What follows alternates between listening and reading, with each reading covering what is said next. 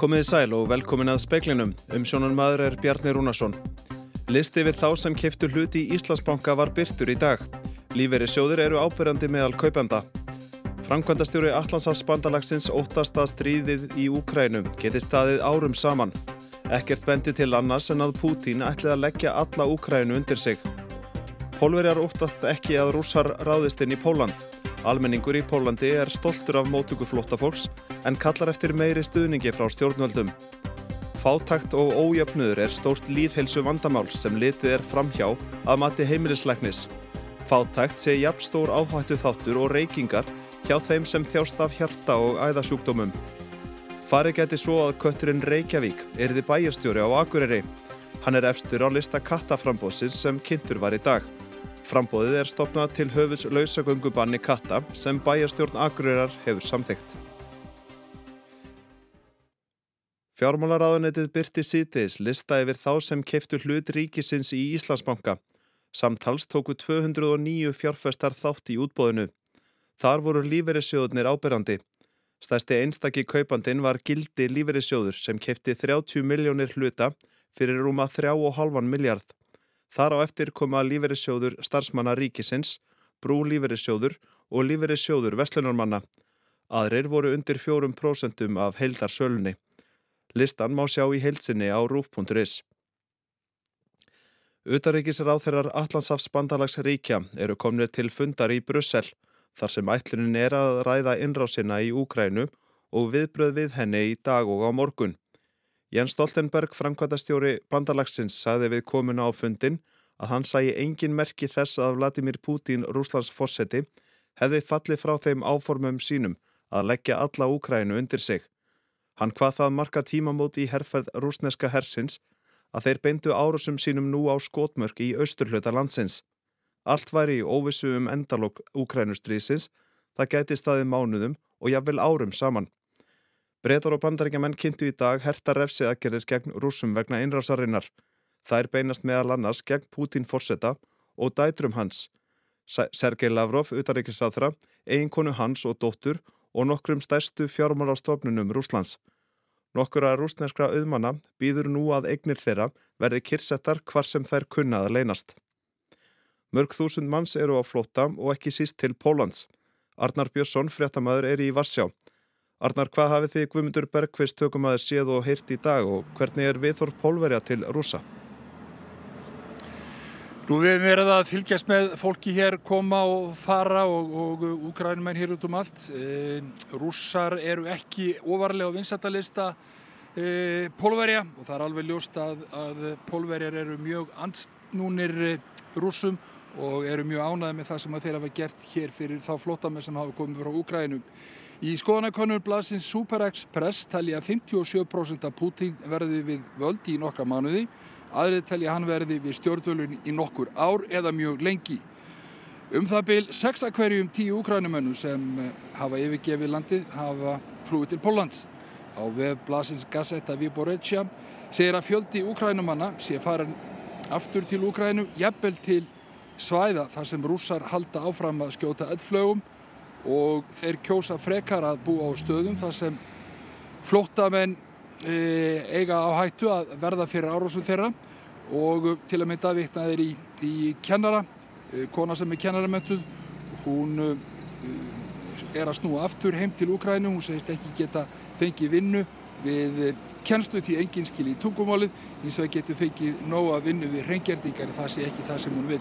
En það er alveg ljóst að pólverjar taka móti flottamönnum þó að ströymurinn hafi aðeins minkað en eh, menn óttast að, að önnur gusa sé jafnvel og leðinni.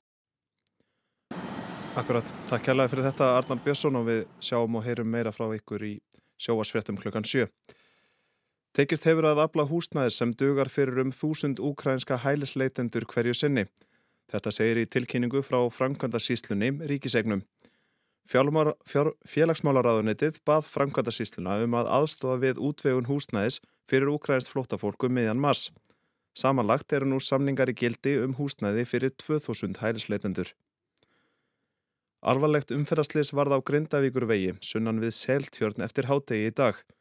Grindavíkur vegi hefur verið lokað vegna þessa. Samkvæmt upplýsingum lauruglunar á Suðunessum varð áreikstur milli fólksbifriðar og flutningabíls. Lauruglunni barst tilkynningum slitsið um klukkan hálf þrjú en fjölmend lið viðbrasaðila fór á vettvang. Ökumæður fólksbílsins var fluttur á slisadelt með sjúkrabíl í fyldlæknis sem kom á vettvang með þyrlu landhelgiskeslunar. Litið er fram hjá áhrifum félagslegs ójöfnöðar á hilsu fólks hér á landi. Þetta segir Margrit Ólafíja Tómasdóttir heimilisleiknir. Fátækt og ójöfnöður séu stórt líðhilsumál sem of oft sé sniðgengið í helbriðiskerfinu. Það er svona 10% þjóðflæðinu sem eru að glýma við mikla erfileika og rannsóknir hafa sínt í rauninni bara gegnum törfur langan tíma að það að vera íllastattur fjáráslega eða látt settur í samfélaginu hefur mjög mikla áhætti í förmessur varðandi bæði líkamlega og andlega heilsu. Margrét nefnir til að mynda að ef litið er til hjarta og æðasjúdóma sé fátækt metin jafn stór áhættu þáttur og reykingar. Margir þættir sem hægt sé að rekja til bárar félagslegrar stöðu eigi þátt í að stöðla að verri heilsu. Svo er það líka þannig að það að, að vera í rauninni íllastattur í samfélaginu það hefur ársif á lífræðilega ferla hjá okkur. Þannig að streyti við brunn virkast og það til lengri tíma getur leitt til þróunar á nánst öllum langunni sjúkdómum. Og svo er það hitta náttúrulega þeirri stóri hlutur að heilbíðstjónustinni sem að maður þarf að borga fyrir dýruverði og, og, og þó að það sé niðurgreitt og þá er það samt þannig að fólk sem er að ströggla við að ná endum saman að það kannski neytar sér um ákveðinu hluti sem það þyrta að halda. Ótalrannsóknir síni að fátækt er stórt líðheilsumál sem þurfið að taka á. Það er svolítið svona heit kartabla ef maður fyrir að tala um þá sem eru ítlast öttir í samfélaginu. Það vil svona, allir vilja þetta vísa þess að yfir á einhvern annan og stórum hluta er þetta svolítið pólitísk mál og þá náttúrulega skiptir máli veist, styrkja jöfnu sérstaklega gagvart þjónustu í heilbriði. Segir Margrit Ólafíja Tómasdóttir, Hafdís Helga Helgadóttir talaði við hana. Forsvarsmaður kattaframbóðsins á Akureyri sem hyggst bjóða fram lista til sveitastjórnarkostninga segir að bann við lausagöngu katta sé árás á náttúruna.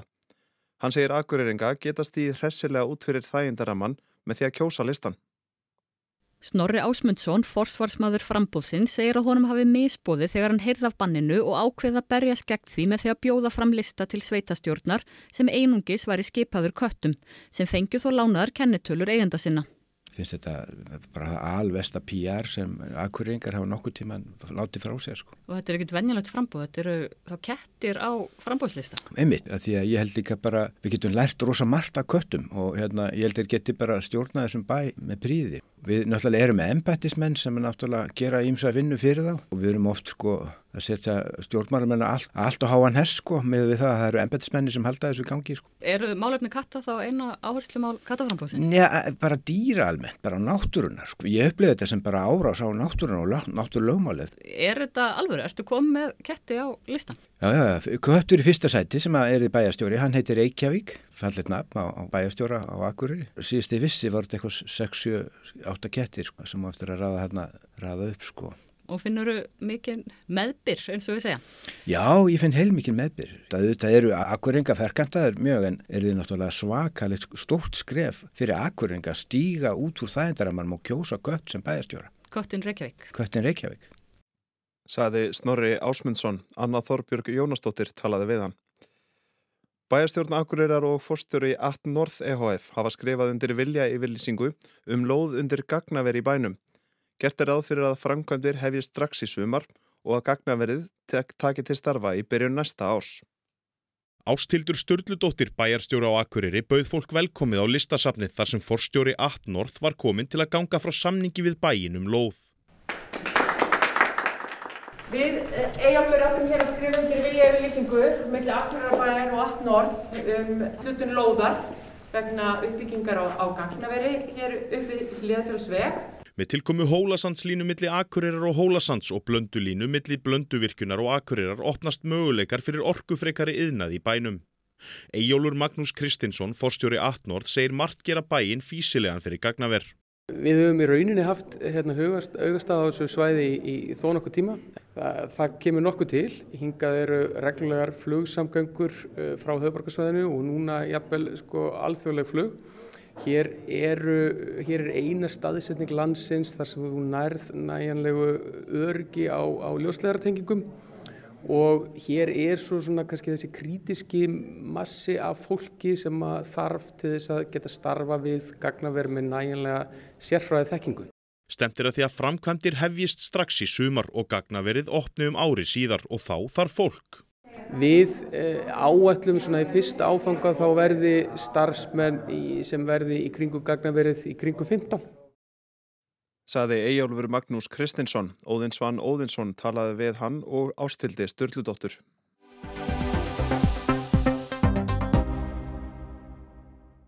Í speklinum í kvöld lítum við til nágrann okkar í Noregi í málefnum Votta Jehova. Þar takast á sjónar með domstóla og trúarinnar. Hvort á að ráða, trúin eða lögu landsins. Og í setni hluta þáttarins beinum við sjónum okkar að sveitastjórnarkostningum. Ný kostningalög hafa það meðal annars í förmeð sér að talsvert fleiri erlendir ríkisborgarar eru nú á kjörskrá. Þá eru strángari reglur um hverjir megi taka sæti í kjörstjórnum sem getur skapa vandræði vítt og breytt um landið en fyrst til Noregs. Vottari Jehova sæta víðar gaggrinni en á Íslandi. Í Noregi er nú beðið úrskurðar hæstaréttar um hvort fóristumenn trúfélagsins megi fella dóma byggða á biblíunni og í andstöðu við lög landsins. Gísli Kristjánsson, fréttaréttari í Oslo, hefur kynnt sér þetta mál. Mál þetta fjallar um hvort vegi þingra, guðslög eða landslög. Það er gamalt vandamál og er nú komið í vittnastúkurnar frammi fyrir hæstarétti Noregs. Hvorum gengur betur að gera grein fyrir sínu máli, öldungum votta Jehova eða lögumönnum sem styðjast við lög sem stórþingið hefur sendt frá sér. Að baki býr sorglegt mál sem nú á sér fjögur ára sögu og hefur þvælst frá samkomum öldunga í söpniði votta Jehova og upp í gegnum dómskerfið allt til hæstaréttar. Svo er mál með vexti að konu úr söpnuði Votta Jehova, Grí Nýgóra nafni, var nöðgað á hóteli hér í Ósló. Hún var sofandi þegar þetta gerðist og man ekki eftir atvikinu sjálf og vissi ekki hvað hafi gerst fyrir henn um morgunin. Í örvendingu sinni leita hún til öldunga í söpnuðu sínum um ráð og leiðsögn um hvað henni bæra að gera.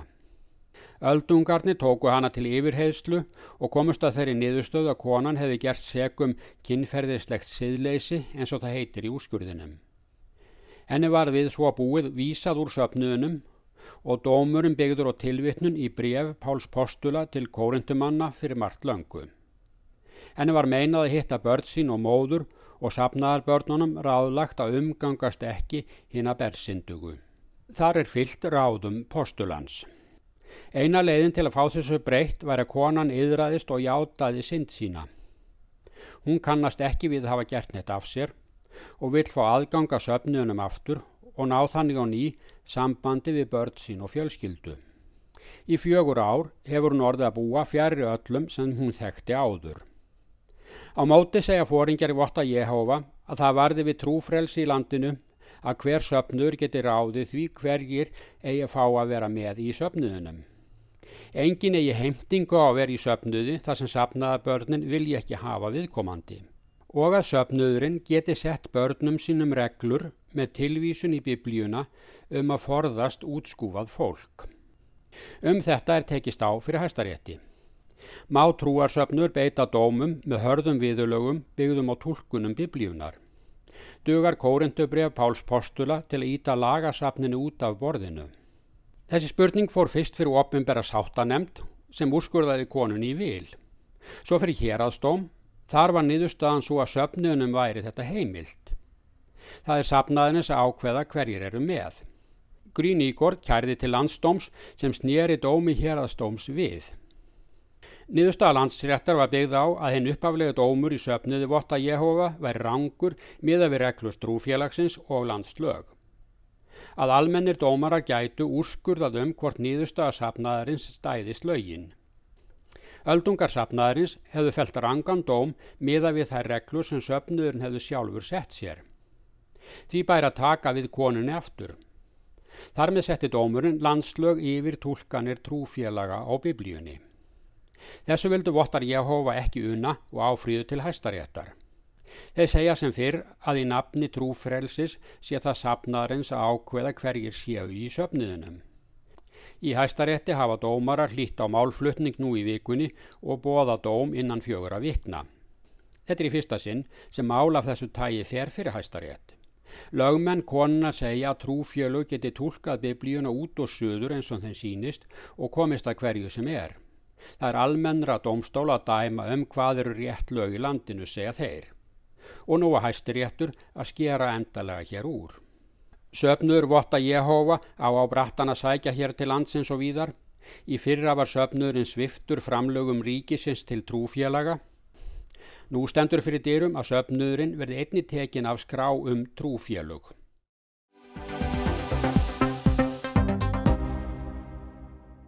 Það stittist í sveitarstjórnarkostningar. Þær fara fram eftir rúmar 5 vikur þann 14. mæ. Nokkrar breytingar koma í fyrsta sinn til framkvæmda í þessum kostningum eftir að ný kostningalög tóku gildi um áramótin. Nú gilda ein lög fyrir allar kostningar í stað fjögur að lagabólka. Þegar nýju lögin tóku gildi var sett á fót ný landskjörstjórn sem er sjálfstað nefnd sem heyrir ekki beint undir dómsmálaráðunetið nema stjórnarfarslega. Þó svo að hún heiti það sama og fyrir landskjörstjórn þá fælst breytingin í að rjúfa tengsl á milli ráðunetisins og kjörstjórnarinnar. Kostningar eftir lit ÖSE, Öryggis og samfunnustofnunar Evrópu, hafði bent á vankanta í fyrir kostningalögum til að mynda að það hefði verið hægt að kjósa án þess að öll frambóð væru komin fram. Þessu hefur nú verið breytt. Nýju lögin hafa það í för með sér að það fjölgar verulega erlendum ríkisborgurum sem hafa kostningarétti í sveitarstjórnarkostningum.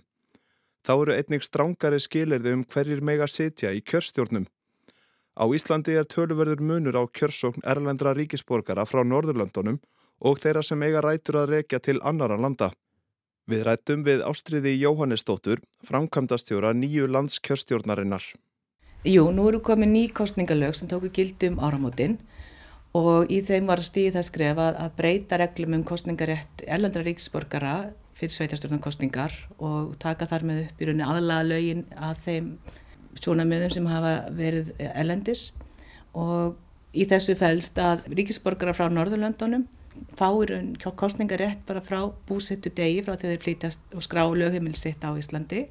En ríkisborgarar frá öðrum ríkjum að þeir þurfa einingis að hafa búið á Íslandi í þrjú ár en skilir þeir var áður fimm ár. Þannig að þeir öðlast kostningarétt í sveitistunum kostningar eftir þryggjara búsettu hér á landi. Og, og þessa breytingar fela í sér að það fjölgar tölvert á kjöskrá.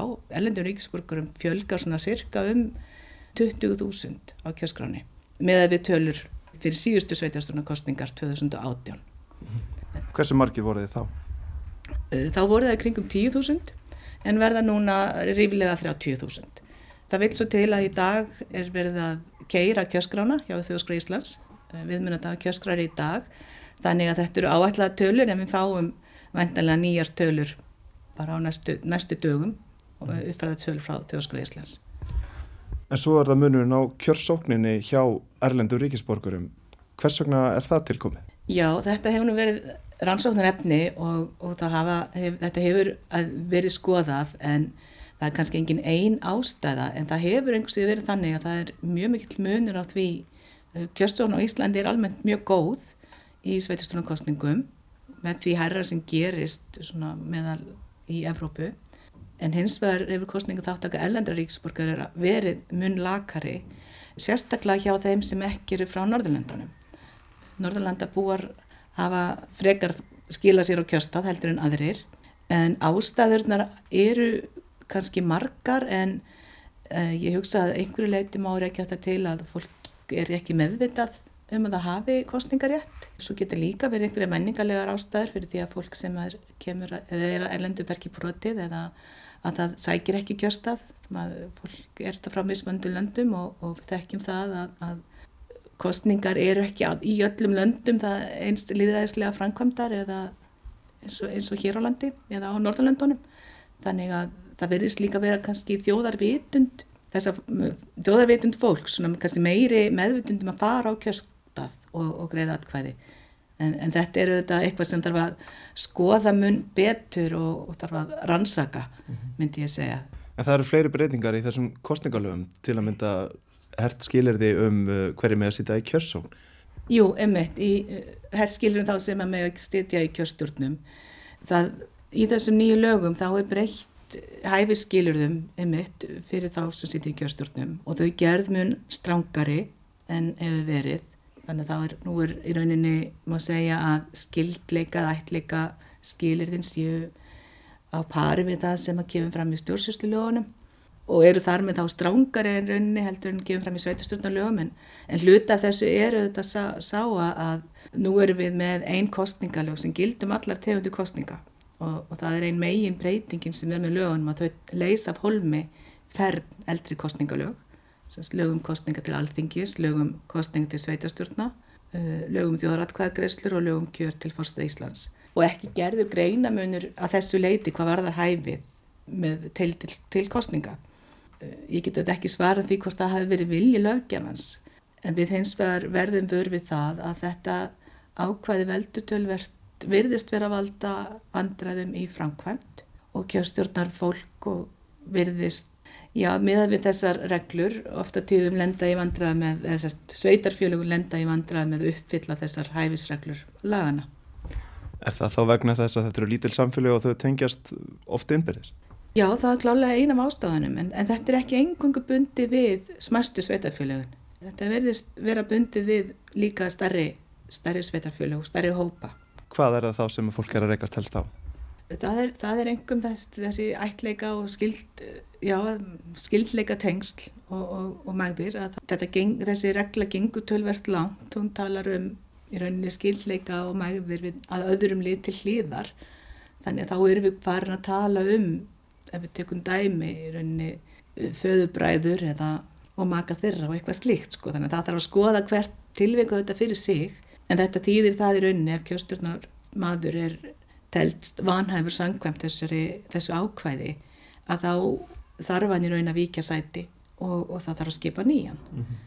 uh, reglurnar í fyrir lögum voru vissulega mörguleiti sambarilegar en, en þá, þá þurfti einingis að víkja sæti ef að það væri til meðferða mál sem varðaði viðkomandi fulltrúa. Þannig að það, að það var til úrskurðar og þá þurfti viðkomandi að víkja sæti meðan úrskurða væri í þessu máli, eða umrættu máli en núna er þetta rauninni algil skilir því þannig að við komum þér hreinlega ekki stætt á að sitja í kjóstjórn. Eins og segir, þá er að koma þarna stór hó hópur nýr inn með kostningarhétt. Eh, Ætli þið að gera eitthvað til þess að reyna að hvetja þennan hóp til þess að taka þátt í kostningun? Landskjórnstjórn hefur viðtakt hlutverk á uh, sangkvæmt nýju kostningaljónum og í því fælst meðal annars að við hafa fræðslu og kynningastarf og leðbenningar og, auglísa kjördag og það er mörg, mörg hlutverk og, og hveita til framþróunar í kostningamálum eða vinna slikri þróun. Og, og það að, að hvetja fólk til að nýta kostningaréttin myndi ég segja að fjalli ágætlega að þessu hlutverki landskjastjórnar og, og við munum vinna eftir sem kostur er að því að, að gera það og við erum til dæmis að, að auka þátt uh, á erlendu efni kynningarefni, við munum gera því harra, harra undir höfði til að reyna að ná til þessara einstaklinga.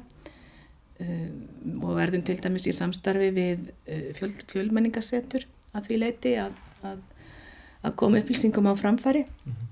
á öðrum tungumálum. Og svo, og svo verður líka, kannski verðt að benda á kostningavefin sem kostning.is að þar verður líka sett inn til dæmis myndbönd á, á takkmáli og á ennsku og íslensku þar sem að er líst í rauninni kostningaferlinu, hvernig á, ekki hvað þú ótt að kjósa, heldur hvernig á að bera sig að í kjörklefanum og hvernig utan kjörfundakostning við fram og hvernig, hvernig og hvað gerist á kjörfundi. Mm -hmm. Þannig að við erum ekki bara einblýna á einhvern einn hóp, heldur er við er markmið þetta ná til sem flestra og sérstaklega þeirra sem eru að stíga sem fyrstu skref og, og á, á kostningamarkaðunum. Að svo eru fleiri breytingar í mm. þessum lögum það er verið að ringa til um, við aðstofið kostningar Jú, það er rétt, það er eitt af nýmælum lagana að nú er ekki lengur skilir því að, að sjónleysi hái kjósandi eða höndsi ónótæf eins og það er orðað í, í eldri lögum nú á eiga allir rétt á aðstöð sem hann að þurfa og geta fengið hana hvort sem þeir kjósa utan kjörfundar eða á kjördag. Uh, aðstöðin er veikt annars vegar raunin er það val kjósanda að að, að kjósandi getur tekið með sér aðstofamann sem hann velur sjálfur eða óskaði eftir aðstof frá kjörstjóra eða kjörstjórn. Og það þarf að kynna aðstofamanni í, ef að aðstofamæður verður fyrir valinu þá, þá er honum kynnt þær skildur sem hann ber að uppfylla og til dæmis hvað var það að sá sem aðstofður er upptað bundin þagnar skildu að má ekki segja neinum frá hvað kjósandin er að kjósa og, og annað skilir þér endar er, er auðvitað að, að kjósandi geti gert aðstofamanni eða þeim sem aðstofar hann grein fyrir því hvað hann vil kjósa. Hann þarf að geta látið í ljósin vilja til þess. Það verður líka reglur um það að aðstofamaður hver aðstofamaður má einingis aðstofa þrjá kjósendur við hverja kostningar en að sjálfsögðu þá best að geta þess líka að ef að kjörstjóri aðstofar sem er það ofinbæri ennbættismadur að, að þá er engin takmörk á því hvað hann getur aðstofa marga kjósendur. Mm -hmm. eitt sem ég tekir óskaplega væntum fælst í því að nú er tekið fram í lögunum að á kjörseðalum sé ferningur.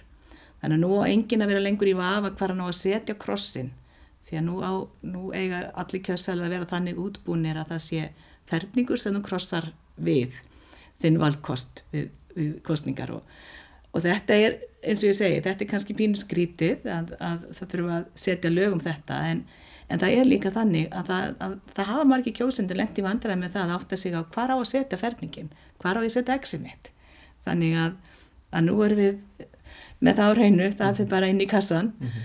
já, fleiri kannski atriði má vekja aðtegla á að það eru komin ítalega ákvæði í laugin um umbúðsmenn og réttindi þeirra. Umbúðsmenn eru sem starfa fyrir í umbúði þeirra lista sem bjóða fram. Þannig það er, er komin viðtak ákvæði um, um þá og þeirra störf og réttindi sem er mjög mikilvægt. Og svo voru gerða kannski breytingar sem varða kostninga þegar almennt séð að það voru, voru gerðar breytingar á dagsetningum kjördaga. Það er, það er semst fastsett í lög hvenar kosið er til uh, sveitastjórna alþingis og fórseta og til dæmis nú hér eftir þá munum fórstakostninga fara fram fyrsta lögadag í júni ef ég mann rétt en hefur verið síðasta lögadag í júni og, og sveitastjórnarkostningar það hefa einnig fæst fram og eru, og eru þess að núna fyrra ferðinu heldur venjulega, er núna 14. mæ en hefðu alltaf verið síðasta lögadag í mæ þannig að það var kannski pínu óhefpilegt núna að, að allir frestir lenda þar að leðandi um, ofan í páskonum en frambóðsfrestur rennur út núna á förstu dæn klukkan 12 og þá þurfa frambóðslistar að vera eða frambóði verið búin að skila sínum frambóðum til kjörstjórna í allum sveitafélugum. Það er líka búið að stýtta það tímabil sem utan kjörfjöldra atkvæðagreðsla getur staðið yfir. Hún gætt verið í átta vikur en nú hefur fresturum verið, sá tími verið stittur þannig að hún má hefjast 29 dögum fyrir kjördag þannig að það er búið að stitta umtalsvert þann tíma. En, það, en fyrir því eru kannski ymsar ástæður en, en það mikilvægast að mínum að hvað það varðar er það að, að þá liggur fyrir uh, áður en utan kjörfundaratkvæðagræsla hefst hverjir eru í frambóði það var ekki þannig. Þannig að frambóðsfresturinn var, var í rauninni setna á ferðinni. Þannig að fólk var kannski að kjósa utan kjörfundar áttavíkum fyrir kjördag en vissi samt ekki þá ennþá. En það, það, það lág ekki endilega fyrir á þeim tíma hverjir væru í frambóði mm -hmm. Þannig að það er mikil réttabót sem að fælst í þessum breytingum Saði Ástriður Jóhannesdóttir Það var helst í speklunum í kvöld að listi yfir þá sem keftur hluti í Íslandsbanka var byrtur í dag. Líferissjóður eru áberandi meðal kaupanda. Frankvöldastjóri Allandsafs bandalagsins óttast að stríðið í Úkrænum geti staðið árum saman. Ekkert bendi til annars en að Pútín ætlið að leggja alla Úkrænu undir sig. Pólverar óttast ekki að rúsa ráðist inn í Póland. Almenningur í Pólandi er stoltur af mótöku flóta fólks en kallar eftir meiri stuðningi frá stjórnvöldum. Fátakt og ójöfnuður er stólt líðhelsu vandamál sem litið er framhjá aðmati heimilisleiknis. Fátakt sé jafn stór áhættu þáttur og reykingar hjá þeim sem þjást af hjarta og æðasjúkdómum. Fari geti svo að kötturinn Reykjavík er því bæjarstjóri á Akureyri. Hann er efstur á lista kattaframbóðsins sem kynntur var í dag. Frambóðið er stopnað til höfus lausagöngubanni katta sem bæjarstjórn Akureyrar hefur samþygt. Það er ekki fleira í speklunum í kvöld. Teknimaður var Mark Eldredd. Frétta útsendingu stjórnaði Valgerður Þorsteinsdóttir. Verðið sæl.